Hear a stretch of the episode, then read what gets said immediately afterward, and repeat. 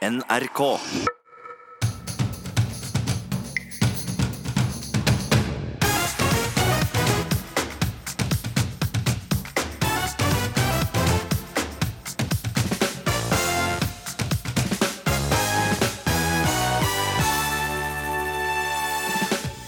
Redd ulven, skyt bønna, står det på klanens T-skjorte. Det får både Senterpartiet og bøndene til å hytte med høygaffelen mot Vålerenga-fansen. KrFs inntreden i regjering minner mest om å bli dratt baklengs inn i fuglekassa, mener Adresseavis-redaktør. Hun kommer til ukeslutt, hvor vi prøver å stokke regjeringskabalen. Og VG-kommentator måtte gå på dagen da han ville bli kjæreste med en politiker. Også vi andre bør varsle sjefen snarest hvis vi hopper til køys med en kollega, sier en som selv måtte ta den kleine samtalen med sjefen. Velkommen til ukeslutt, hvor vi også skal vurdere om det er på tide å slette Facebook og Instagram og alle de andre sosiale mediene. Jeg heter Linn Beate Gabrielsen. Har du Instagram, kan du nesten ikke ha gått glipp av alle bildene av kvinner som stolt viser fram hår under armene og på leggene. Etterfulgt av emneknaggen January. Det ble startet av 21 år gamle Laura Jackson, som oppfordrer jenter til å la kroppshåret vokse ut nå i årets første måned, og det handler om å skape et positivt kroppsbilde. Reporter Leila Ferratovic har tatt utfordringa fra Jackson. Hun huket også tak i Trond-Viggo Torgersen rett etter Nitimen i morges, mannen som lagde barne-TV-serien Kroppen på 80-tallet. For hva skal vi egentlig med alt kroppshåret? Trond-Viggo, hva er egentlig meningen med alt det håret vi har rundt omkring på kroppen? ja, altså Meningen med er jo alltid et vanskelig spørsmål. Men altså vi har det fordi at vi har gener som er eh, arvet gjennom veldig veldig mange ledd. Og de som var før oss, hadde antageligvis mye mer hår enn oss. Nå sitter vi igjen med det som er en del av identiteten vår. Vi har liksom en pynt, og så har vi mye kroppshår som uh, sier noe om kjønnet vårt, og som sier noe om attraksjonen. Og så har vi noe som er der bare fordi det skal is isolere oss. Altså det skal være varmere. Men for eksempel, jeg tenker hår i armhulene. Ja, Hva det, er det er jo en del av de der attraksjonene, og der har vi duftkjertler som, som, som, som mykgjør disse hårene sånn at det, det lukter deg. Og rundt kjønnsorganet så har man også duftkjertler som gjør at det lukter ditt kjønn. Eh, og det gjør at disse hårene har en annen funksjon igjen for oss mennesker. Nå har jeg på en måte vært litt lat, og jeg har ikke orket å ta hårene under armene. Og så vurderer jeg bør jeg gjøre det. Ja. Eh, jeg tror for tiden nå så kan du velge. Altså, Sånn som jeg har hørt det, så er det sånn at noen damer syns at det er greit å ha hår under armene, og noen andre damer syns at det er ikke noe særlig greit, for de har klesplagg som gjør sånn at du, hvis du strekker armene opp, så ser du at nå er jeg liksom ikke raket. Og for meg er ikke det så viktig. Jeg tror for de fleste menn så er ikke det så viktig, men det er for de fleste kvinner så er de Altså, kvinner pynter seg jo mye mer for hverandre enn de tror, tror jeg. Så hvis jeg tar vekk hårene, så har det ingen helsemessige konsekvenser. Og hvis jeg beholder det, så har det heller ingen Nei. funksjon. Nei. Du, altså, det, er ikke, det er ikke sånn for tiden nå at vi eh, vi snuser oss frem til om du passer med oss eller ikke. Men når vi velger partner, så betyr det en del. Da betyr det at det bør være noe lukt fra deg som jeg kan eh, identifisere og like. Så øh, hvis du er ute etter en partner, så, så må du på, øh, vurdere om du skal pynte deg for, for, damer og klærne du skal ha på deg, eller om menn syns det er deilig at det lukter det det lukter av deg. Etterpå skal jeg til en voksesalong. Mm. Jeg Lykke har- til. Jeg har dette her under Ja, det var jo ikke fryktelig mye da, vennen min. Men for det, dette var et sånt enten-eller-stadium du er i nå.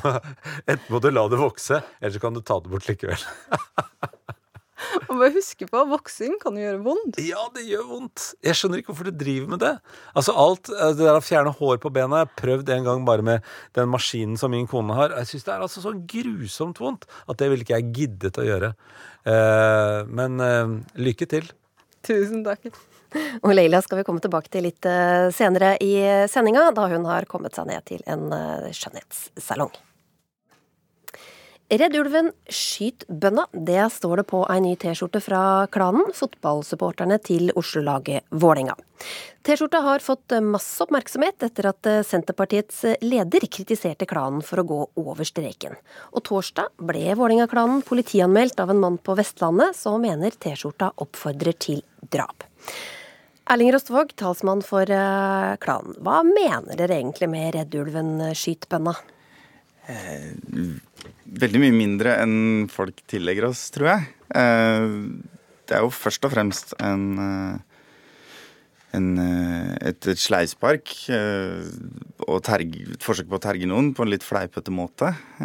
Og så har det jo fått på en måte blitt løfta til nye høyder da, på internett av har bl.a. Trygve Slagsvold Vedum, og, og fått uh, ganske mye mer oppmerksomhet enn vi forutså. Du smiler og ser ganske fornøyd ut med det? Ja, det er jo veldig gøy.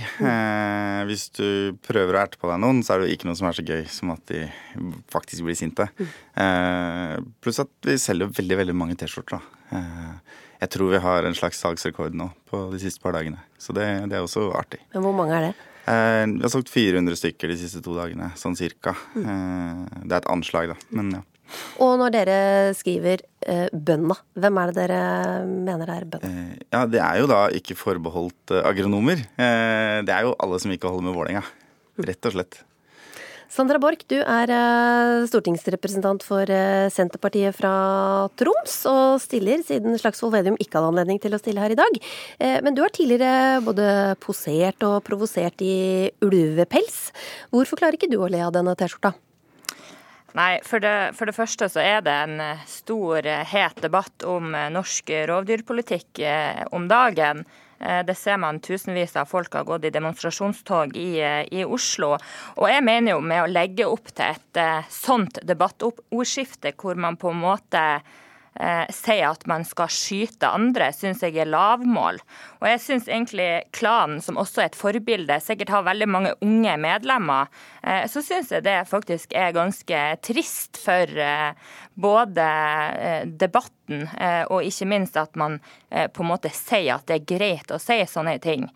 Og det syns jeg er, er lavmål av klanen å gå ut på den måten, sånn som de gjør. Rostvåg, er det et lavmål av dere som forbilde? Eh, jeg tror ikke det er et ultimat lavmål fra vår side, i hvert fall. Vi har en lang og stolt historie i så måte, men eh, Men dere syns det er greit? Ja, altså det som er viktig å få fram her, er jo eh, Sandra er inne på dette med ordskiftet og hvordan den politiske debatten skal og bør være. Og det er jo det Trygve Slagsvold Vedum også tar opp i sin han, han advarer mot polarisering og harde ord. Og det er jo sikkert relevant og viktig, eh, og et viktig ansvar politikere har for å ikke polarisere unødig. Eh, noe kanskje ikke Senterpartiet har vært så god på i denne saken. Men vi er jo ikke en del av den politiske debatten, og dette er ikke et innspill i den politiske debatten. Dette er en helt åpenbar eh, ironisk eh, stikk eh, i retning alle de andre der ute. Eh, og det er ikke spesielt mye verre enn si, ting vi har gjort i 25 år. Eh, og som i alle andre saker, avsender er kjempeviktig. Kontekst er viktig, og her er konteksten fotballtribunene, fotballsupportere. Og avsender er altså noen som har gjort det til et varemerke å kalle alle andre bønda, og bruke det som en nedsettende term. Og alle veit jo at selv om vi har bannere hvor det står 'spis bønda' på, og sånne ting, så er det ingen som oppfordrer til kannibalisme. Så hvis man setter seg inn i saken, så er det veldig enkelt å se at dette ikke er en oppfordring, og det er ingen grunn til å tro at noen kommer til å ta, ta, ta det på feil måte heller. Og dere er egentlig ikke så opptatt av ulven heller? Nei, altså vi er jo en apolitisk organisasjon. Vi har ikke noen mening om ulven. Eh, det er mer en kommentar til hvor, hvor hysterisk tonen er i debatten. Men Sandra Borch, hvis vi ser på Senterpartiets uh, utspill i uh, ulvedebatten, så har jo også lederen din blinka ut uh, byråkrater og byfolk med elsykler som fiender av bygda. Og for noen år siden så stilte jo du i ulvepels, som vi nevnte, og sa at ulven i Norge passer best som utstoppa. Har ikke også dere i Senterpartiet bidratt til et litt oppheta debattklima? Jeg tror folk vet hvor Senterpartiet står i denne debatten, men det som er forskjellen på Senterpartiet og, og klanen, er at vi holder oss for, for gode til å gå inn i ordskiftet med et sånt ordspråk. Og det blir jo feil av klanen å si at man ikke er en del av den politiske debatten, eh, når man midt i eh, den debatten som har vært om ulv, eh, poster dette, dette bildet med en, med en, tekst og hvor man på en måte sier at det er, det er greit å skyte bønder. Og, og det er den debatten debatten jeg vil ta et oppgjør med, for det er ikke greit av klanen, en supporterklubb eh, med mange medlemmer, også unge medlemmer, å oppfordre til disse tingene. Selv ikke om det er humor? Ja, men det, det, er jo da man skal spørre om det er greit eh, å si at, det er, eh, at man bør skyte, skyte, bønder. Jeg ser ikke på det som Det er ingen som sier at vi bør skyte bønder. Det gjør dere jo på den T-skjorta. Ingen... Vi, vi, gjør ikke det, fordi hvis du leser sitatet i en kontekst basert på hvilken avsender det er, så er det helt åpenbart at det ikke er en oppfordring. Og det skjønner alle som har lest en eneste nyhetssak om klanen de siste 25 åra redd bønna, nei, redd ulven, skyt bønna. Det går ikke an å misforstå. Så det, det, er på en måte det jeg vil ta et oppgjør med, for jeg syns ikke, det er greit. Selv om setningen er entydig, så er jo hvorvidt det er seriøst ment eller ikke relevant. Og nå er det jeg som har ordet. Men altså, jeg liker friske ytringer. Jeg er sjøl ei som bruker ting til å, å få debatt om ting. Men å akkurat eh, gå inn midt når man på Stortinget behandler eh, rovdyrforslag på denne måten, er jo eh, å bidra til, eh, til en, en, stor storm. Jeg, jeg, skjønner godt at folk reagerer. Jeg skjønner godt at bønder som har, dette som et næringsgrunnlag, som opplever ulven tett på seg, blir, blir lei seg og blir irritert og sint. Det skjønner jeg veldig godt. Rostvold, det skal jo bare én til som misforstår, da. Ja, eh, da er det jo hyggelig at jeg får muligheten til å gjenta i media at eh, de ikke ta oppfordringer i så fall. Men altså eh, Vi har jo hatt f.eks. et banner hvor det står 'Spis bønna' med bilde av sånn veikroskilt under. Vi har sunget om bønna fra Fredrikstad som ville slåss. Vi har sunget om, om å sodomisere dyra på gården til bøndene. Og hvor, hva skjedde da vi gjorde alle disse tingene? Ingenting, ikke sant? Så hele poenget her er jo ikke Det er vikarierende argumentasjon. Folk påstår at det er ordet 'skyt' som er problematisk her. Det egentlig problematiske her er at det er ordet 'ulv' inni. Og det er litt for close to home for en del folk, så de klarer ikke se humoren. De klarer ikke la være å bli skikkelig sure, fordi det er et tema som vekker mange følelser. Og det er helt fair, det. Det er helt greit å ikke le, og det er helt greit å si at det er dårlig humor. Men derfra til å mene at denne ytringen plutselig skiller seg ut, eller at nå er det plutselig et problem, det er bare tull. Det er det at folk ikke klarer å heve seg fra den debatten som er utfordringen her. Det er ordet ulv som er nøkkelen, ikke Sandra ordet skyt. Har dere vært med på å hause dette opp? Eh, nei, det syns jeg eh, ikke vi har. Dette er en reell, eh, reell, politisk debatt. En debatt som vekker stort engasjement, med rette. Det er veldig mange bønder og også folk som lever med ulven tett, eh, tett innpå seg, og jeg skjønner deres eh, frustrasjon. Og så syns jeg ikke det er humor å, å, på en måte oppfordre til å skyte ei, ei gruppe mennesker på den, den måten jeg mener klanen her gjør. Og det er klart at man har utnytta den rovdyrdebatten fra klanens side som har vært i, i det siste, og, og visste man ville få oppmerksomhet rundt det. Og det er derfor jeg syns det er så leit at man på en måte velger å bruke det Eh, debattordskiftet som har vært, til å, til å eh, fronte dette budskapet, som jeg syns er helt bak mål. Oppmerksomhet har det fått. Nå må jeg si tusen takk til dere, Sandra Borch og Erling Rostvåg. Det var en eh, sliten gjeng som kom ut fra Granavolden på torsdag med en ny regjeringsplattform i handa. Nå gjenstår bare fordelinga av statsrådspostene før vi har en ny borgerlig firepartiregjering, antakeligvis neste uke. Tone Sofie Aglen, politisk redaktør i Adresseavisen. Hvordan syns du de framstod? Nei, Det var ikke noe flying start, akkurat. De eh, så ikke ut til å boble over av glede da de la fram denne plattformen. Trine Skei Grande så nesten ut som hun hadde vært en runde i tørketrommelen. Og det var heller ikke så lett å få øye på den store, overordna fortellinga om hvorfor nettopp de her fire partiene skulle danne regjering. Samtidig så må vi huske at de var nok sliten. Om de ikke har vært i en tørketrommel, så har det vært eh, krevende runder for i alle fall for tre av dem. Og så har jo vi en tendens til å fokusere mye på konfliktene, så denne entusiasmen kan jo ta seg opp når de kommer i gang, får på plass nye folk i regjering og begynner med vanlig politikk igjen. For eh, hverdagen handler jo om litt mer enn taxfree og tvillingabort. Kjetil B. Alstadheim, politisk redaktør i Dagens eh, Næringsliv. Du kaller det en tre og et halvt parti-regjering. Hvorfor det? Det var jo veldig nære på at det ble nei i landsstyret i Kristelig Folkeparti. Voteringen var 17-19, så hvis det var én som hadde stemt uh, annerledes, så ville det vært avgjort av Knut Arild Hareides dobbeltstemme. Det hadde ikke blitt en utvidelse av regjeringen. Så det, det, viser jo at den splittelsen som vi så i Kristelig Folkeparti i, i hele høst, og som viste seg på det ekstraordinære landsmøtet, den er der fremdeles. Dere skriver i dag om den uh, omkampen det nærmest uh, var inne på da plattformen skulle godkjennes i KrF. Hva var det som skjedde? Det, det, var et veldig dramatisk møte, og noe av det mest dramatiske var hva, hvordan Hareide selv håndterte dette. Han gikk jo da ut Altså gikk imot å, å, å akseptere den plattformen, og begrunnet det med Eh, at eh, KrF ikke hadde fått gjennomslag for å endre denne paragraf 2c i abortloven. Og med at, han, eh, at Kristelig Folkeparti i valgkampen hadde lovt å ikke gå i regjering med Fremskrittspartiet. Og det siste er jo en ren omkamp på det, den beslutningen som ble tatt på landsmøtet i november. For der, da, det var jo der Kristelig Folkeparti gjorde det valget. Så, så, det var rett og slett et forsøk på omkamp fra Hareides side. Hmm. Haglien, når eh, ett parti til skal eh, inn i regjeringa, så betyr det jo også at eh, noen må gi fra seg noen statsrådsposter. Hvilke poster tror du Kristelig Folkeparti kan håpe på? De håper nok på de departementene som er viktigst for sine hjertesaker. Og det er jo helt åpenbart at KrF vil ha noe som handler om barn og familie. Så det her Barne- og likestillingsdepartementet, det, det, er nok noe de virkelig ønsker seg. Så vil de nok sikkert også gjerne ha et litt sånn tungt departement, f.eks. helse, men det er jeg mer usikker på om om Høyre vil gi fra seg. Og så har de jo noen andre litt sånn hjertesaker, da. De er opptatt av bistand. Ulempen med et sånt departement er at de er jo veldig mye på reise i Afrika og andre plasser og får liksom ikke vært så synlige og så mye ut i partiet. Og så har jo de blitt en litt sånn Senterpartiet light på borgerlig side, så jeg tror nok også Landbruksdepartementet er noe KrF kunne ønska seg. Ja, er det bistandsministeren som er den minst attraktive statsrådsposten som eh, blir igjen til slutt?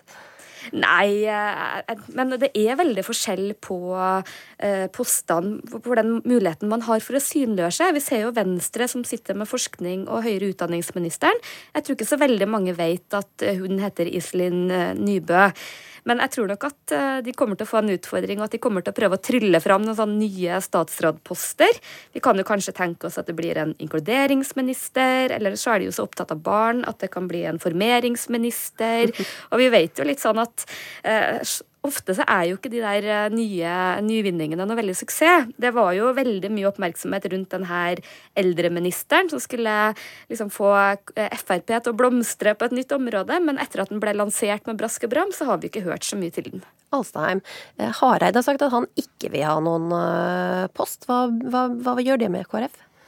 Det, det, bidrar jo også til at partiet at den splittelsen i partiet eh, ikke blir reparert. Eh, og det gjør det jo eh, også vanskeligere for andre å gå inn fra, fra rød side da, i partiet. Sånn at Hareide blir jo da gående på, i Stortinget som Han skal jo sitte her i to, hvert fall to og et halvt år til. Som en slags rød martyr da, for, for sitt eget prosjekt med at partiet skulle gå til venstre. Eh, men er, jeg tror nok det er veldig viktig for Kristelig Folkeparti at de får inn noen som, som, eh, som, mente at partiet skulle gå den andre retningen.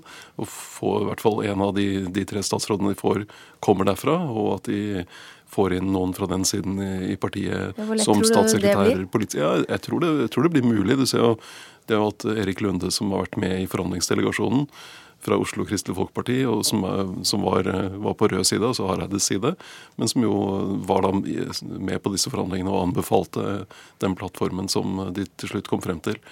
Og det, det, var jo også andre da fra de som stemte for rød side i november, som i landsstyret nå stemte for å gå inn i, i dagens regjering. Så det er jo noen som da er i bevegelse her. Eh, tusen takk, Tone Sofie Aglen og Kjetil B. Alstaheim. Gutt 54 søker jente som liker turer i skog og mark, tar gjerne et glass i lystig lag.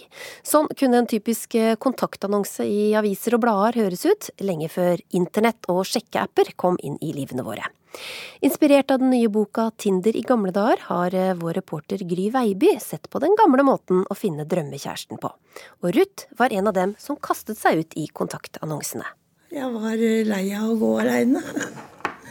Det var aldri noen Det skjedde liksom ikke noe. Jeg var bare hjemme hos mor og far. Og det var litt kjedelig når jeg er i 30-40-åra, vet du det. Ruth Karin Neteland tenker tilbake på livet som singel på 80-tallet. Og da hun bestemte seg for å gjøre noe med det.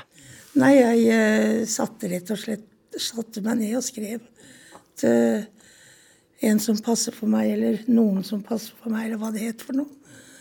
Og så i Dagbladet. Og venta og venta og venta uke etter uke. Nei, det kom aldri inn. Så tenkte jeg nei vel, det kommer ikke i avisa, da. Det går et halvt år, og Ruth gir opp. Men så en dag dumper det ene etter det andre brevet ned i postkassa. Når det først kom disse brevene, så gikk det jo på løpende bånd. Det var rett og slett bare å lese brevene og se hvor de bodde og og hva de drev med, og den har sagt. Ruth bruker geografi som elimineringsmetode, og en dag treffer hun en av de utvalgte. Han møtte meg på, på kaia der hvor Nesoddbåten kommer inn. Og så gikk vi opp mot eh, Bislett, til en eller annen restaurant der. Jeg vet ikke hva slags. Det var i hvert fall fisk vi spiste. Det virker som en evighet siden kontaktannonsenes tid. Men før internett var det redninga for mange som søkte kjærlighet.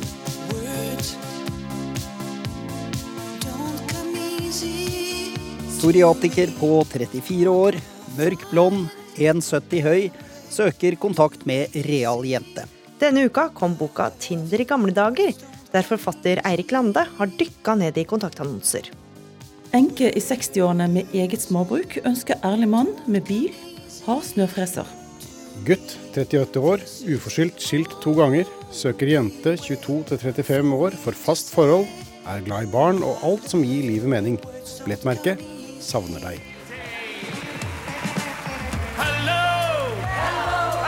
Men de aller tøffeste tok steget fra papiret til beste sendetid på TV.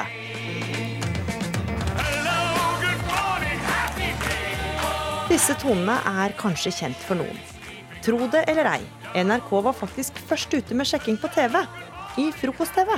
Jeg håper, jeg håper en jente som kan nærme seg meg. For jeg er for sjenert til å oppsøke en jente. Året er 1988.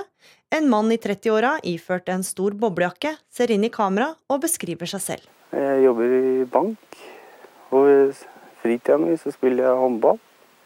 Og driver med husbygging ved siden av. Jeg har venner, egen leilighet og bil. På en stabburstrapp sitter en kvinne som kaller seg Blåveis, og flørter bak store, runde briller i en litt for stor mohairgenser. Du kan jo godt være både mandig og litt myk mann.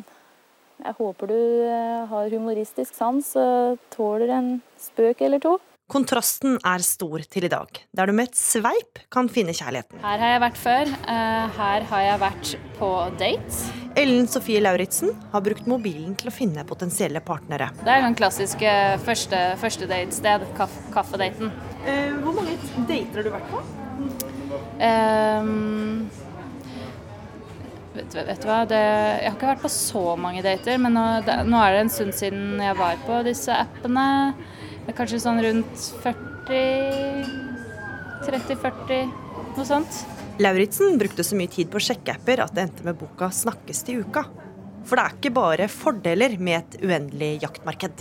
Jeg ble jo en forferdelig person på, ved å være på Tinder. Eh, for jeg ble så utrolig overfladisk. Jeg husker jeg møtte en fyr som hadde litt sånn feil jakke. Hadde en slags sånn allværsjakke. Jeg husker at jeg tenkte bare nei, dette ble helt feil. Og da, da løy jeg og sa at jeg må være litt kjapp, for jeg skal hjem og hjelpe mamma med noe. Altså det var helt sånn Det var helt forferdelig oppførsel. Men uh, det var liksom legitimerte med at uh, det er jo så mange på de appene at det, det må gå greit. Men jeg jo, ble jo aldri kjent med fyren. Han hadde bare feil jakke. Uff. Ja. For Ruth ble det full klaff på daten i 83. For vi traff hverandre 20.12., og jeg tror det var innen 14.1 så hadde vi flytta sammen. 35 år seinere bor de fortsatt sammen, hun og mannen Einar. Godt er det, for dagens eh, sveip til en date er Ruth skeptisk til. Jeg tror jeg har vært litt mer engstelig for oss å bruke så rask metode. Ja. Det er litt bedre at det går litt tid. Ja. Jeg syns egentlig det å ha så veldig travelt som det de som de har De burde kanskje skynde seg litt langsommere. Og kjærligheten førte også til at eh, VG-kommentator måtte gå på dagen denne uka, da han eh, ville bli kjæreste med en eh, politiker. Men selv om det er kleint, så må du informere sjefen om det, skal vi høre etter Highasakite og Mexico. Det er tirsdag den 15. januar, og dette er Giæver, men ikke Joffen. fordi ikke lenge før vi gikk i studio her i dag, så fikk vi beskjed om at Fridtjof Jacobsen har sagt opp sin stilling i Verdens Gang. Og det gjør at ja, jeg er litt ør i huet, eh, må jeg si. Slik hørtes det ut da Anders Giæver denne uka akkurat hadde fått vite at hans medprogramleder, sjefen for VGs kommentatoravdeling Fridtjof Jacobsen, hadde gått fra jobben på dagen. Dagen etter ble det kjent at årsaken var at han ville innlede et forhold til stortingspolitiker Jette Christensen fra Arbeiderpartiet. Saken er eh, trøblete for eh, VG fordi Jacobsen skrev kommentarer om norsk politikk. Og det er ikke lett når eh, kjærlighetslivet kommer i konflikt med rollene vi har i arbeidslivet. Hilde Charlotte Solheim, du var i en lignende situasjon for fem år siden da du var direktør i Virke reiseliv, og forelsket deg i sjefen i Norsk Industri, Stein Lier Hansen. Hvordan løste dere dette? Vi hadde det jo mye enklere fordi at vi hadde et eh, samarbeid og en ganske god kontakt som var, var, kjent. Men man redefinerer jo et forhold når man blir kjærester. Og da vi ble enige om at vi skulle treffes eh, mer privat, så orienterte vi våre ledere og kolleger veldig raskt. For selv om det var kjent at vi samarbeida om en del saker, så er det også en konkurranseflate på en del områder mellom, mellom deler av NHO-systemet og deler av bransjene i Virke. Så jeg måtte jo da f.eks.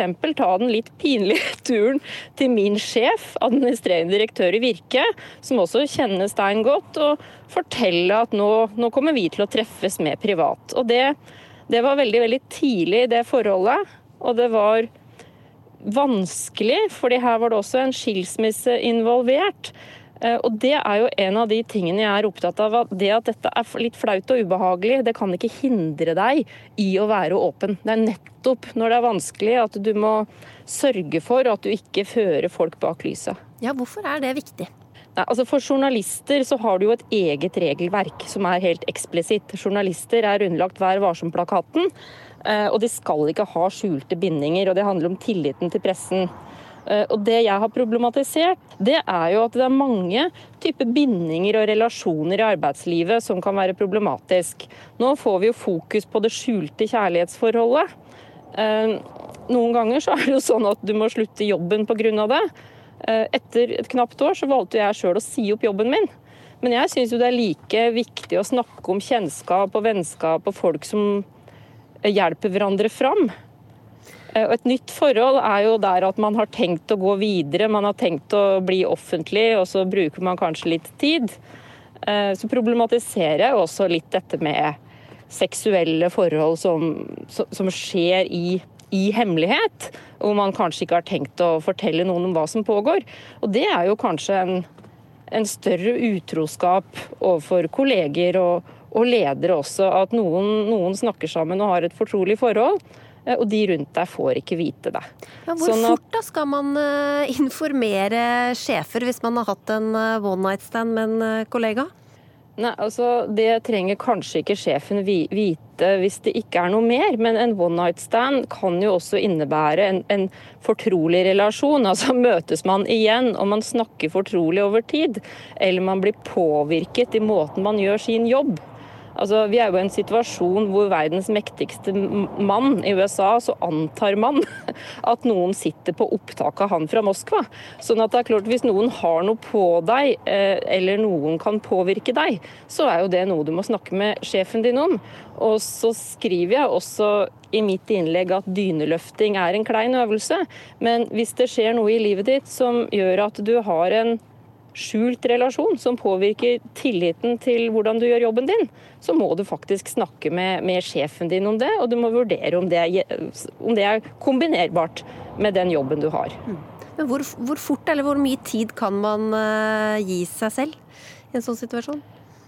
Ja, Det spørs jo litt på akkurat hvilken jobb du gjør. Hva slags tillit er du avhengig av, og hvem er det du har et forhold til. Um, hvis du er kommentator i VG, så er det jo åpenbart at du ikke kan skrive en eneste kommentar om Arbeiderpartiet hvis du eh, er kjæreste med noen som er part i interne stridigheter i partiet, så det kan vi holde litt utafor. Eh, jobber du i ligningsetaten, så kan du ikke behandle selvangivelsen til noen du har et forhold til, og da finnes det egne regler for det. Og det jeg tar til orde for, er jo å ha en levende debatt om dette, og se om habilitetsreglene vi har er tilstrekkelige.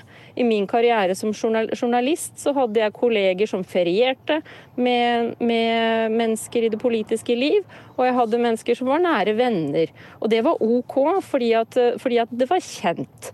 Eh, sånn at det må jo egentlig være sjefen din som bestemmer hva som er greit. Og selv om dette kan være, føles f.eks. litt sårbart tidlig i et nytt forhold, Eh, så er det faktisk en del av en leders jobb. Å håndtere også litt kilende personalsaker. Det er en del av lederansvaret. Mm. Hva har vært det vanskeligste for deg i den situasjonen eh, du var i? Du, det var ikke vanskelig i det hele tatt. Eh, og det var selvfølgelig fordi at vi snakka om det og hadde ikke et forhold i skjul over tid. Det var litt flaut å fortelle kolleger om et forhold veldig veldig tidlig når man ikke var helt sikker på hvordan det skulle gå. Men eh, vi var såpass gjennomtenkt på det at vi tok det der litt tidlig, og opplevde det utelukkende positivt. Hva var det flaueste da? Nei, det er klart at det er klart at Når du ikke er helt sikker på om dette vil vare, føler du deg dum fordi du har løpt, løpt, til sjefen. Og så er det jo klart at en god del av disse forholdene så er det en tredjepart involvert. Men det kan du faktisk ikke ta hensyn til når det gjelder det å være ryddig på jobben.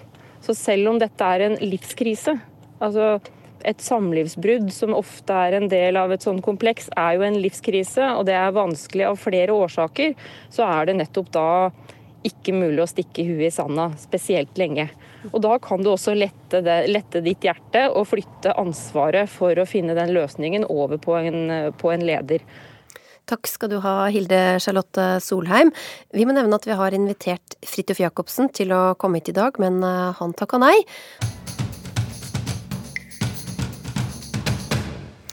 Hei, Tone Nordahl, du har eh, nyhetsoversikten, og i eh, Oslo er det fengslingsmøte for mannen som er sikta for terror etter knivangrepet på Kiwi. Ja, på Politiets sikkerhetstjeneste ber om fire uker i varetekt for mannen som er russisk statsborger. Og Forsvareren hans, Ola Lunde, sier at han er helt enig i det. Han sier den terrorsiktede har truet med flere angrep. Han snakker om disse hendelsene som har funnet sted i Paris og Tyskland og, og sånn. Dette med å kjøre vogner inn i folkemengder osv. Det er han selv sier. Han er en ensom ulv eh, som opererer alene og har ikke noe nettverk. Verken her i Norge eller andre steder. Og så kommer det mange reaksjoner på at det likevel ikke blir lov med eggdonasjon for par som strever med å få barn. I den nye regjeringsplattformen har Kristelig Folkeparti sikret seg vetorett for endringer av bioteknologiloven. Både Arbeiderpartiet og SV kaller det en trist dag for demokratiet. Og på St. Olavs hospital i Trondheim så sier en overlege som jobber med å hjelpe barnløse at dette er sjokkerende. Så gikk det ikke så bra for Ragnhild Mowinckel i Utfor i dag? Nei. Det var eh, Ramona Siebenhofer fra Østerrike som vant for andre dag på rad i utforrennet i Cortina. Ragnhild Mowinckel derimot, hun ble beste norske og endte på en 18.-plass. En som har hatt noen eh, hektiske uker, er eh, næringsminister Torbjørn Røe Isaksen. Velkommen og gratulerer med ny regjeringsplattform. Tusen takk. Men det har ikke vært travlere enn at du har rukket å oppdatere eh, sosiale medier. Og før vi snakker om at det er tide på å slette dem alle sammen, alle de sosiale mediene, så skal vi snakke om at du er en av de ministerne som virkelig benytter deg av sosiale medier ved å legge ut morsomme bilder og tekster på f.eks. Instagram. Hva er det du liker med det? Um, nei, hva er det jeg liker med det? Altså, jeg, eh, jeg liker at det er um, Får mye god respons. Uh, og så viser det fram kanskje en litt annen side av meg som person enn det jeg får gjort som statsråd og politiker. Uh, så er det også en måte å, å bygge ned terskelen mot folk på. Det er veldig lett å tenke at politikk og politikere er distanserte og langt unna og veldig annerledes. Og da er det fint å kunne vise fram enten det er litt fra hverdagslivet som småbarnsfar, eller eh, et eller annet som bare er tullete og morsomt. Det var noe maisena og barnefingre og kliss ja, det er jo eh, veldig, ja, det, ja. det er jo bare ett eksempel. Mm. Men Syns du det er gøy? Ja, jeg syns det er gøy, men, eh, men, men, det er jo også sånn at um, jeg, jeg, må si at jeg syns ikke det er veldig altoppslukende på den måten at det er veldig lite vanskelig for meg å holde meg helt unna sosiale medier når det er sommer, f.eks., eller juleferie eller noe sånt. Da, det er ikke sånn at det klør i fingrene etter å legge ut noe. Eller når dere må legge vekk mobilen fordi dere skal diskutere regjeringsplattformen? Ja, nå, nå var jo ikke jeg ute, ute, der og forhandlet selv, da. Så, men vi må jo legge vekk eh, mobiltelefonen bl.a. når vi sitter i regjeringskonferanser. Det klør det ikke litt da? etter å liksom... Nei, det gjør egentlig ikke det. Altså, men, men, man merker jo på seg selv, og det tror jeg alle som eh, hører på også har merket, at vi, vi får jo vi er jo i ferd med å ødelegge evnen vår til å konsentrere oss om ting over lengre tid.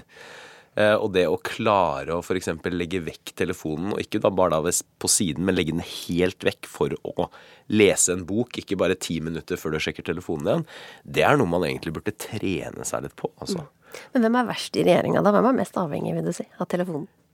Vet du hva, jeg tror, jeg tror nok dessverre vi er like avhengige alle sammen rett og slett. Men så bruker vel forskjellige folk bruker den til litt forskjellige ting. Men, eh, men, det er jo blitt sånn at eh, mobilen det er en del av oss. Eh, og noe av det verste som kan skje med en politiker, som med de fleste andre, det er å glemme mobilen hjemme.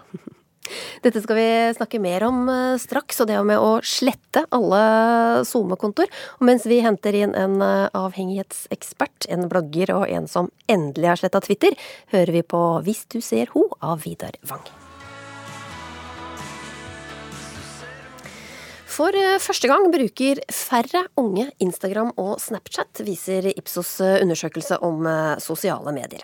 Spørsmålet er om 2019 også blir året hvor vi sletter oss selv fra sosiale medier.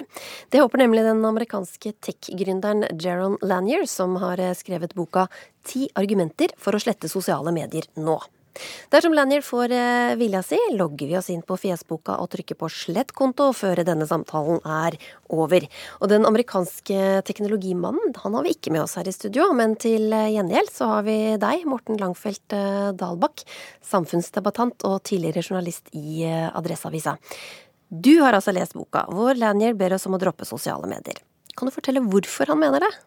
Det kan jeg. Altså, Boka heter jo 'Ti argumenter for hvorfor du bør slette alle kontoene dine'. Men det kan egentlig oppsummeres i tre hovedargumenter.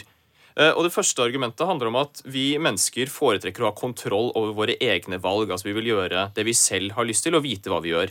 Men de sosiale mediene som Facebook og Twitter tjener penger på å manipulere oss til å ta valg vi ellers ikke ville ha tatt. Til å få oss til å klikke på ting vi kanskje ikke ville brydd oss om, kommentere på ting vi ikke er interessert i.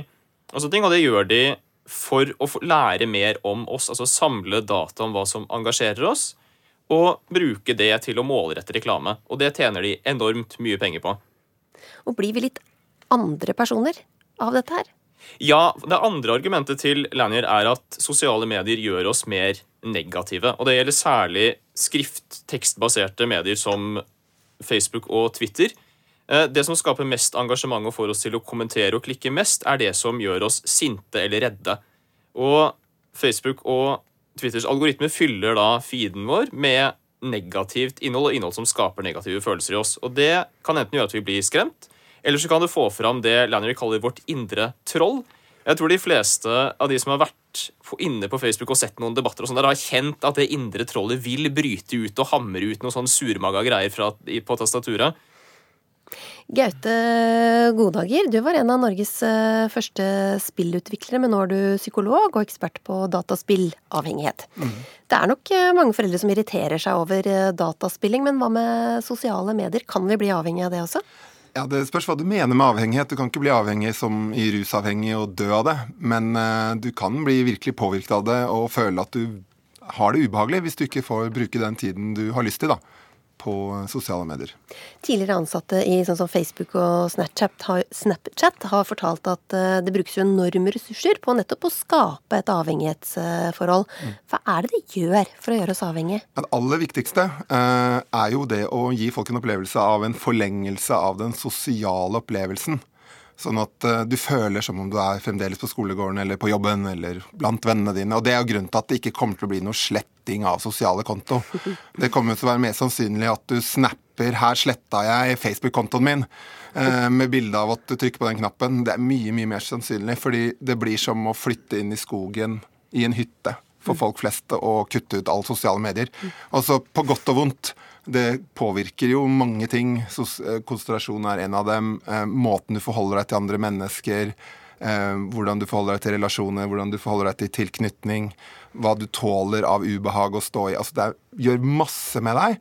Men den opplevelsen av forlengelse av sosial tilknytning. Det er det de først og fremst gjør. Og de gjør det visuelt ved farger og måten de setter opp bildet inn i appen. Men de gjør det i funksjon også, at du får lov å uttrykke følelsene dine mest mulig. Mm.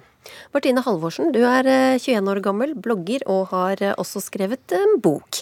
Er du avhengig av sosiale medier, vil du si? Jeg liker å si at jeg ikke er det, men eh, jeg er redd jeg må innrømme at jeg er ganske avhengig av sosiale medier. Ja, Hvordan merker du det? At jeg blir litt stressa nå som jeg ikke har telefonen foran meg. Jeg lurer på hva som skjer på den mens jeg sitter her. Ja, For du måtte legge den på utsida av studio? Yes. Og det, det, er sånne ting. Da merker jeg at det, eh, det er kanskje ikke helt bra. Når var det sist, da? Lenge uten eh, sosiale medier? Jeg er veldig opptatt av at når jeg sover, så skal jeg ikke ha telefonen tilgjengelig, for da sover jeg faktisk. Og så når jeg f.eks. er på trening, da prøver jeg å legge den bort. Men eh, jeg kan ikke skryte på meg noe lengre pauser enn det, egentlig. Ja. Torbjørn Røe Isaksen, hvor lenge klarer du å holde deg unna? Sosiale medier? Nei, akkurat det er ikke noe stort problem for meg. Eh, men, men eh, det er et veldig enkelt triks, og det er jo bare å skru av varslingene. Eh, så jeg har, jeg har, ikke på varslinger på noe som helst. Bortsett fra ja, På Snapchat har jeg på varsling. Bortsett fra det så, så må jeg da gå inn og åpne eh, appene eh, for å se hva som skjer der. Og det, det, det er liksom den, den, type ting jeg tror man er nødt til å gjøre hvis man, skal, hvis man mener at, eh, at, man skal forsøke å klare å konsentrere seg om noe annet enn bare SoMe. Mm. Altså, Gjennomsnittsnordmann han sjekker telefonen 150 ganger eh, i løpet av en dag. Men kunne noen av dere tenke dere å prøve å slette noen sosiale medier-kontor? Nå er det jo jobben min, da. Mm. Eh, så det litt vanskelig. det blir jo litt vanskelig. Jeg vil jo at folk kan sjekke så mye som mulig. jeg, jeg, tror at eh, på mange måter så trenger vi litt hjelp, jeg. Jeg tror at det må gjøres noe fra de som lager sosiale medier, eller kanskje med lovgivning. Altså, jeg tror kanskje vi må dit eh, for å regulere dette. Uh, det, er, det er på den måten det er honning for folk. Vi trekkes til det på samme måte. For vi er sosiale dyr. Vi ønsker å ha en tilknytning til andre mennesker, og plutselig har vi en ny måte å gjøre det på. Så jeg tror vi trenger hjelp. Tror du det, mm, Torbjørn Røe Isaksen, at dere kan beskytte oss mot honningen?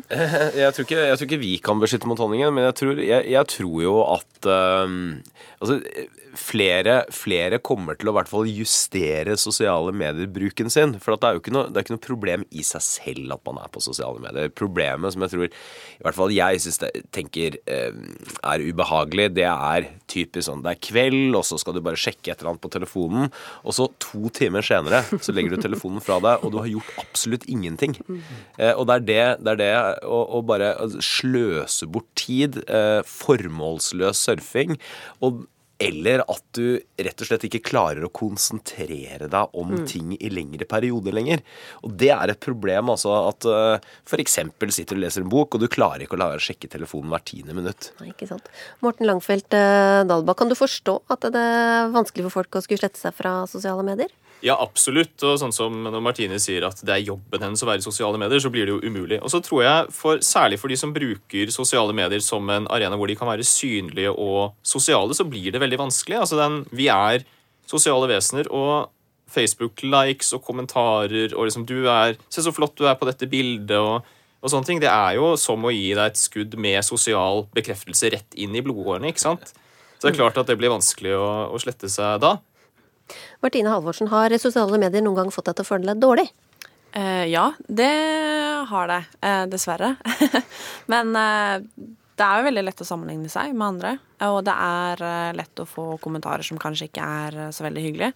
I hvert fall når man er i en offentlig og mener og synser sånn som det jeg gjør. Eh, og da er kanskje ikke sosiale medier så veldig positivt. Nei, Gaute Godager. Altså, eh, det er en del undersøkelser som viser at det gjør oss mer uh, ulykkelige. Hva, hva er det som gjør at det er dårlig for psyken vår? Jeg tenker jo først og fremst at det øker intensiteten uh, i det livet du har. At det, alt går fortere, du får mer av det. Jeg vil ikke kanskje kalle det for et uh, skudd, men, men du får en sånn opplevelse av at det er mer stress. Og mer stress er det vi vet eh, over tid kan føre til en følelse av lettere depresjon, angst. eh, en en følelse av å ikke være helt til stede, helt grunna i livet sitt. da. At du må liksom nå videre. Det er noe mer som skjer et eller annet sted annet enn akkurat der du er akkurat nå. Martine? Det er jo rart det der med at vi søker bekreftelse på sosiale medier, og det er klart får vi ikke nok likes, så føler vi oss ikke bra nok. Og det tror jeg veldig veldig mange kan kjenne seg igjen i. Og det er jo helt forferdelig at likes eh, og kommentarer skal gjøre at vi ikke føler oss bra nok som mennesker. Og, der er det jo der, der er en av de tingene som jeg tror eh, er med på å gjøre livet for en del unge mennesker litt vanskeligere i dag enn det har vært tidligere. Fordi, eh, fordi det er så synlig. Det er jo ikke noe nytt at, eh, at ofte unge som eh, former sin egen identitet, er mer usikre, mer på leit. Sånn har det alltid vært i alle tider. Men synligheten ved sosiale medier eh, er så, er så påtrengende at, at det tror jeg er vanskelig for en del å håndtere. Fordi du ser veldig klart hvem er det som legger ut noe som er populært, og hvem er det som ikke gjør det. Men da, jeg må bare si, Det er jo masse bra også ved å være synlig og til stede. Men det er vår evne til å regulere det som er så vanskelig. Jeg tror kanskje vi må trene på det i skolen. altså. At vi må få sånn mediereguleringsklasse. Men, men dette er øh, Jeg tror jeg, jeg er delvis enig, men ikke at man skal trene på sosiale medier. Men en av de tingene som er utrolig viktig å trene på, det er faktisk konsentrasjon. Eh, Og dette er det forsket ganske mye på. Også både hjerneforskning og forskning fra skole og klasserom. eh, Hvor man ser bl.a. at en av de ferdighetene som, eh, som kanskje kommer til å skille elevene i større grad eh, fremover, er nettopp evnen til å kunne konsentrere seg f.eks. om vanskelige problemstillinger over tid. Og vi vet for at f.eks. norske elever, en av de tingene som eh, kjennetegner dem, det er at de veldig ofte gir opp hvis de møter vanskelige oppgaver. Og det er klart, det, det kan ha en sammenheng også med at man ikke er blitt vant til å sette seg ned og tenke. Og, og, og, og, eh, det er jo utmattende og slitsomt å sette seg ned og tenke. Men det handler like mye om skjerm for øvrig som om bare sosiale medier.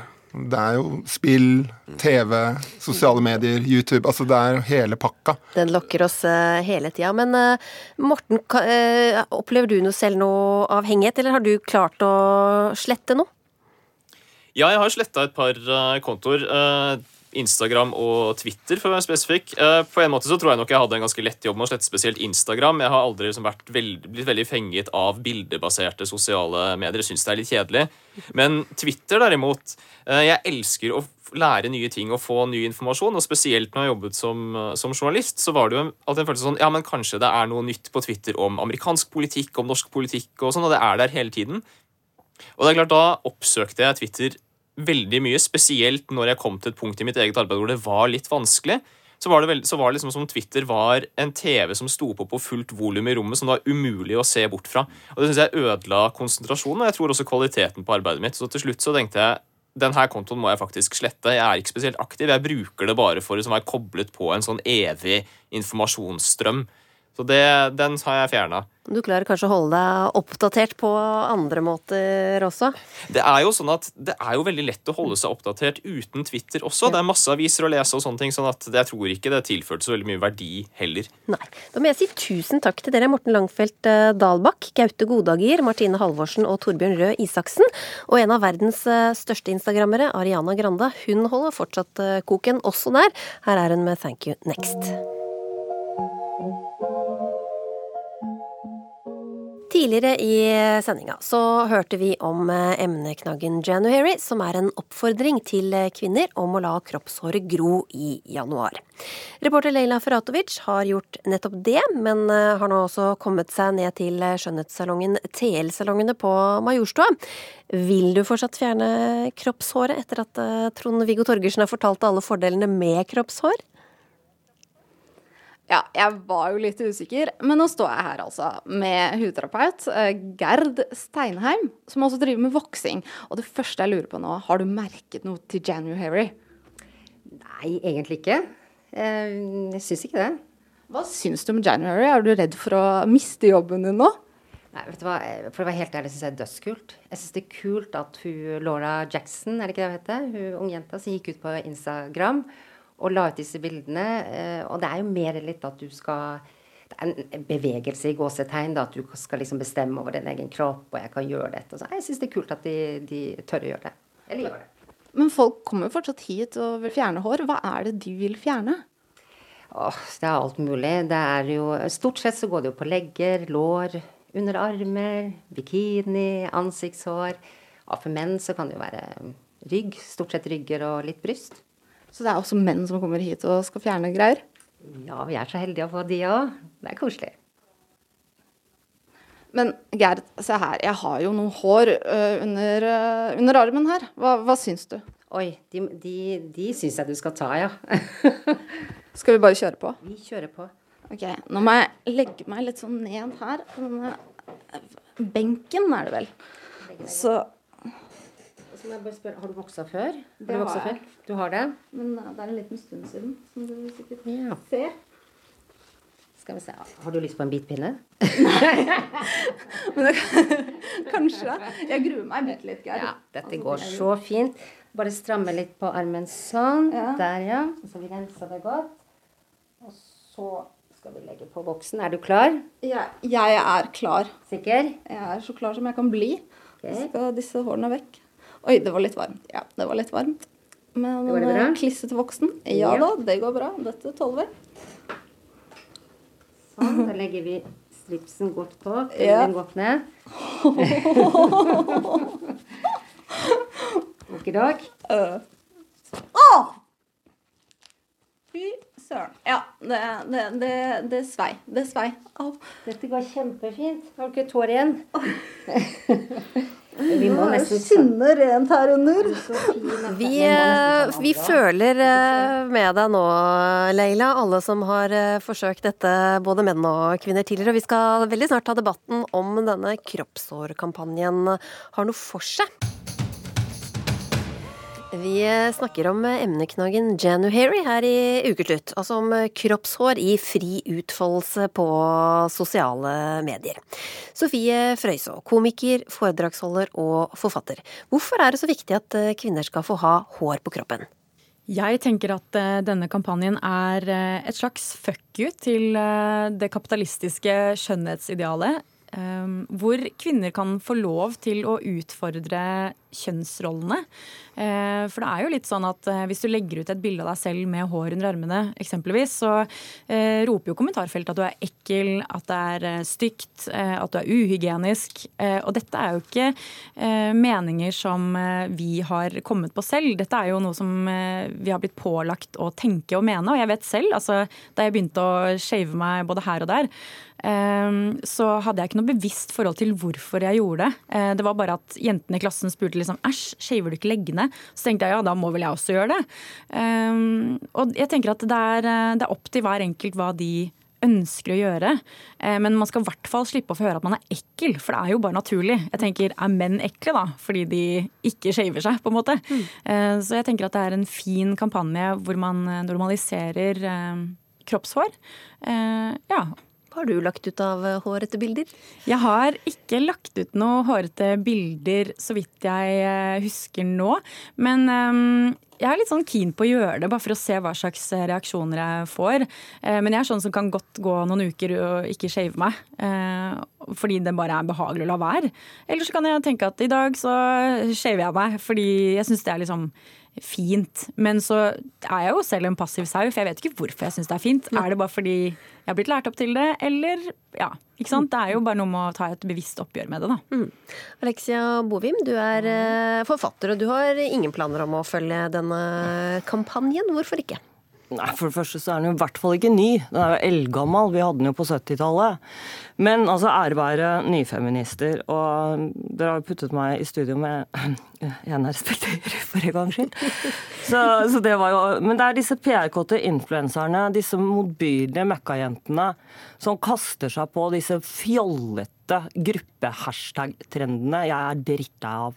Hva er gærent med å være et offer for eksempel for at du har hårproblemer og skjønnhetsidealer? For det er greit å sitte i Vesten med hår som kommer, som er oppspart på huet til jenter i India. Eh, det er greit å putte på extensions og vipper. Eh, og så skal man plutselig ha hår på hele kroppen i solidaritet med dem før man reiser ned og så tagger seg et eller annet sted i Dubai, mener jeg. Så det som er at det eneste som skiller 70-tallet fra det som skjer nå, det er ikke noe skjønnhetsidealer. Vi har hatt alt dette her tusen ganger med Hustler og Playboy og greia. Så dere er litt velkommen etter. Og jeg er faktisk ikke den første gamlisen som sitter og debatterer med en ung og vakker uh, jente som snakker om kjønnsroller. Greia er at det er faktisk uh, Hvis du er kanskje ikke så uh, arisk bakgrunn, da, eller vestlig bakgrunn, og så har du hår på bena fra du er 7-8-9, og så står du i skolegården, eller du er i gymmen, kanskje et sted hvor det er veldig mange som er lyse og sånne ting, eller whatever, så er det at du står i dritten, og da har du lyst til å gjøre noe med den der og da. Og da kan man sitte og tagge og holde på så mye man vil på Insta, snakke om skjønnhetsidealer. Og det må man ikke fordi man har sett et eller annet. Men kan ikke disse La barn og damer og alle gjøre hva de vil, og ha hår på nesen hvis dere vil. Men det er liksom det er, det er liksom måten som skal liksom være så innmari Vi er så modige når dere står i flokk. Det er vel den jeg irriterer meg mest over. Mm. Er vi modige bare i flokk? Eh, ja, sånn har det vel blitt. Men jeg tenker at eh, man er modig hvis man eh, lar håret gro og viser det fram. Fordi man nettopp får så mange reaksjoner. Og det er jo helt absurd, syns jeg, da, at man skal bli kalt modig bare fordi du gjør noe som er helt naturlig. Det er jo ikke så helt naturlig. Unnskyld at jeg sier det. Dere snur jo på det. Og det som er at hvis guttene hadde hatt sånn geiteragg på ballene, så hadde dere skreket 'vi er krenket'. Håret til mennene krenker oss. Det som er naturlig for menn, krenker oss. Unnskyld. Ja. ja. Unnskyld, jeg, jeg ville ikke sagt akkurat det. men, um, men, jeg tenker at det er fint med alle former og kampanjer og i det hele tatt reaksjoner på um, ja, hvor man kan utvide kjønnsrollene. Da. Så, så, jeg tenker at det er modig, eh, selv om det er absurd at man skal bli kalt modig. Og jeg tenker at eh, det er ikke noe motsetning at man kan ha to tanker i hodet samtidig. Eh, det er ikke sånn at dette er liksom Altså jeg tenker at dette er egentlig bare bare nok et eksempel i rekken på eh, opprør man kan gjøre. Eh, så det er ikke sånn at eh, dette er liksom vår tids viktigste feministiske sak, hvis man skal rangere. Men Hva må vi det, da? Det, ja? Ja, men må vi rangere? Er, nei, men altså, Unnskyld at jeg sier det. Dette er jo et overflødighetsproblem. Det er som, det er som å starte en debatt ut av ikke noe. Det som er at Tro meg, i 2019 hadde vi metoo i hele fjor, og det eneste man gjør, er å lage en sånn at folk blir så fed up. Og det som skjer da, det kommer jævla mange sinte menn, tror jeg snart. Jeg tror det. Men jeg, vet du hva jeg håper 2019 blir? Jeg håper det kan bli et år hvor damer er kulere mot hverandre og faktisk har et oppgjør med de, de, de, damene som er hipe. Ja. Så for å si sånn, Jeg har aldri vært på en kvinnefest, jeg har aldri vært på Elfesten, jeg har aldri vært på noe. Jeg blir heller ikke invitert, så er det sagt. Men jeg hadde heller ikke gått. Damer i flokk skremmer meg. Så jeg håper at uh, unge jenter i stedet for å være veldig opptatt av hvem som nå ikke viser håret sitt og sånne ting, så tror jeg også i 2019 at vi, at vi heller kan snakke om hva med, hva med, lønn og sånne ting. Og ikke det at menn tjener mer, men de kvinnene som faktisk tjener mer enn andre kvinner og sånne ting. Jeg syns det er viktigere at vi kvinner tar et oppgjør med hverandre. Mm. Og slutter å hate menn så jævlig. Eh, hva skjer når January er eh, over og folk eh, shaver seg igjen? Hva kan gjøres for at dette her blir noe mer enn bare et blaff i januar? Jeg tenker at dette er bare en påminnelse, og jeg blir ikke redd for uh, damer i flokk. Jeg tenker at vi skal stå sammen. Så sånn sett er jeg enig i at, uh, at vi skal altså backe hverandre og snakke om, om likestilling. og det der med å dra inn at vi hater menn, det er liksom Jeg, jeg kjenner meg ikke igjen i det, da. Unnskyld, du har ikke fylt 30?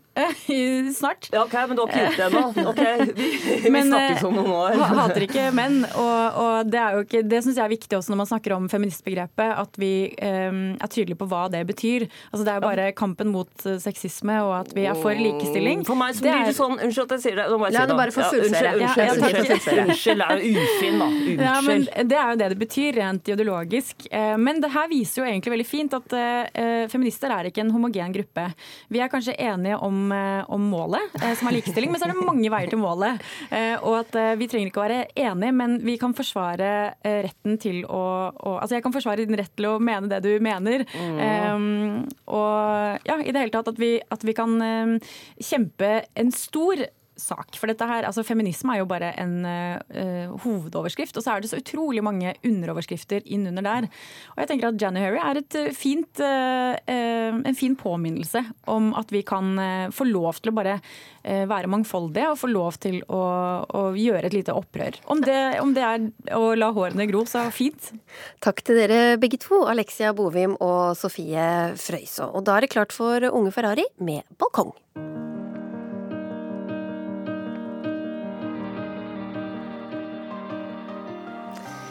Vi må lage flere barn, var nyttårsønsket fra statsminister Erna Solberg. Det tar jo en stund før vi vet om eh, folk har tatt eh, den eh, oppfordringa, men mange har i hvert fall latt seg engasjere i temaet også denne uka.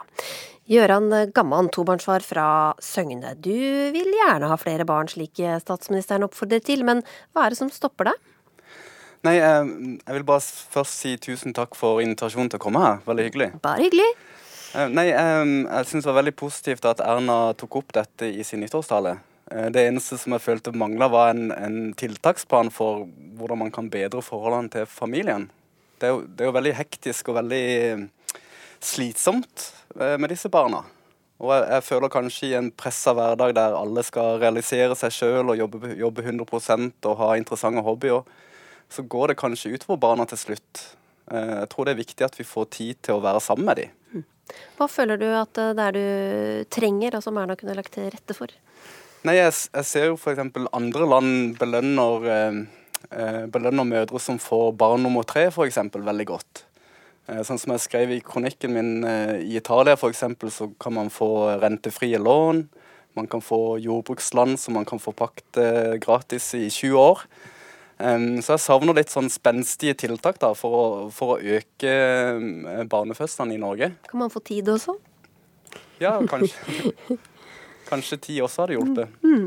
Margrethe uh, Hagerup, du er uh, firebarnsmor og stortingsrepresentant for uh, Høyre. Du trekker opp snittet med fire barn, og ganske tett fikk du de også. Føler du at du har nok tid til barna dine?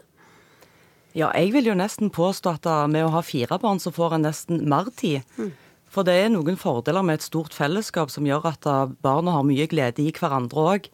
Jeg husker når jeg fikk eh, den første gutten, så fikk vi jo nummer to etter 15 måneder. Så hadde jeg mange venner som bare hadde ett barn. Og jeg så jo at de var jo mye rundt i helgene for å aktivisere og treffe andre foreldre med barn. Mens vi kunne være hjemme og finne på ting alene, og ungene hadde fremdeles godt selskap. Ja, hva er det magiske eh, trikset her, da, for å få liksom hverdagen til å gå opp? Det er jo mye som skal ordnes og hentes og kjøres og leveres. Ja, Mitt poeng er jo litt at vi må senke forventningene til, hverandre, for de har vi skrudd altfor høyt opp. Jeg mener jo vi kan slutte med selvrealisering i en periode. Som jeg skrev i min kronikk, så har jeg ikke lest bøker på ti år nå, men jeg har nettopp opplevd gleden av å begynne med det igjen. Eh, når jeg var liten og gikk på håndballtrening, så var det de rare foreldrene som var med på treningen. Det var kanskje en eller to fedre. I dag så er det nesten litt sånn at vi ser på de som ikke er der, og tenker at det er en dårlig forelder som ikke stiller opp for barnet sitt. Gamman, er det, er det noe du kan kutte litt i, eller senke forventningene for å få til dette her med flere barn?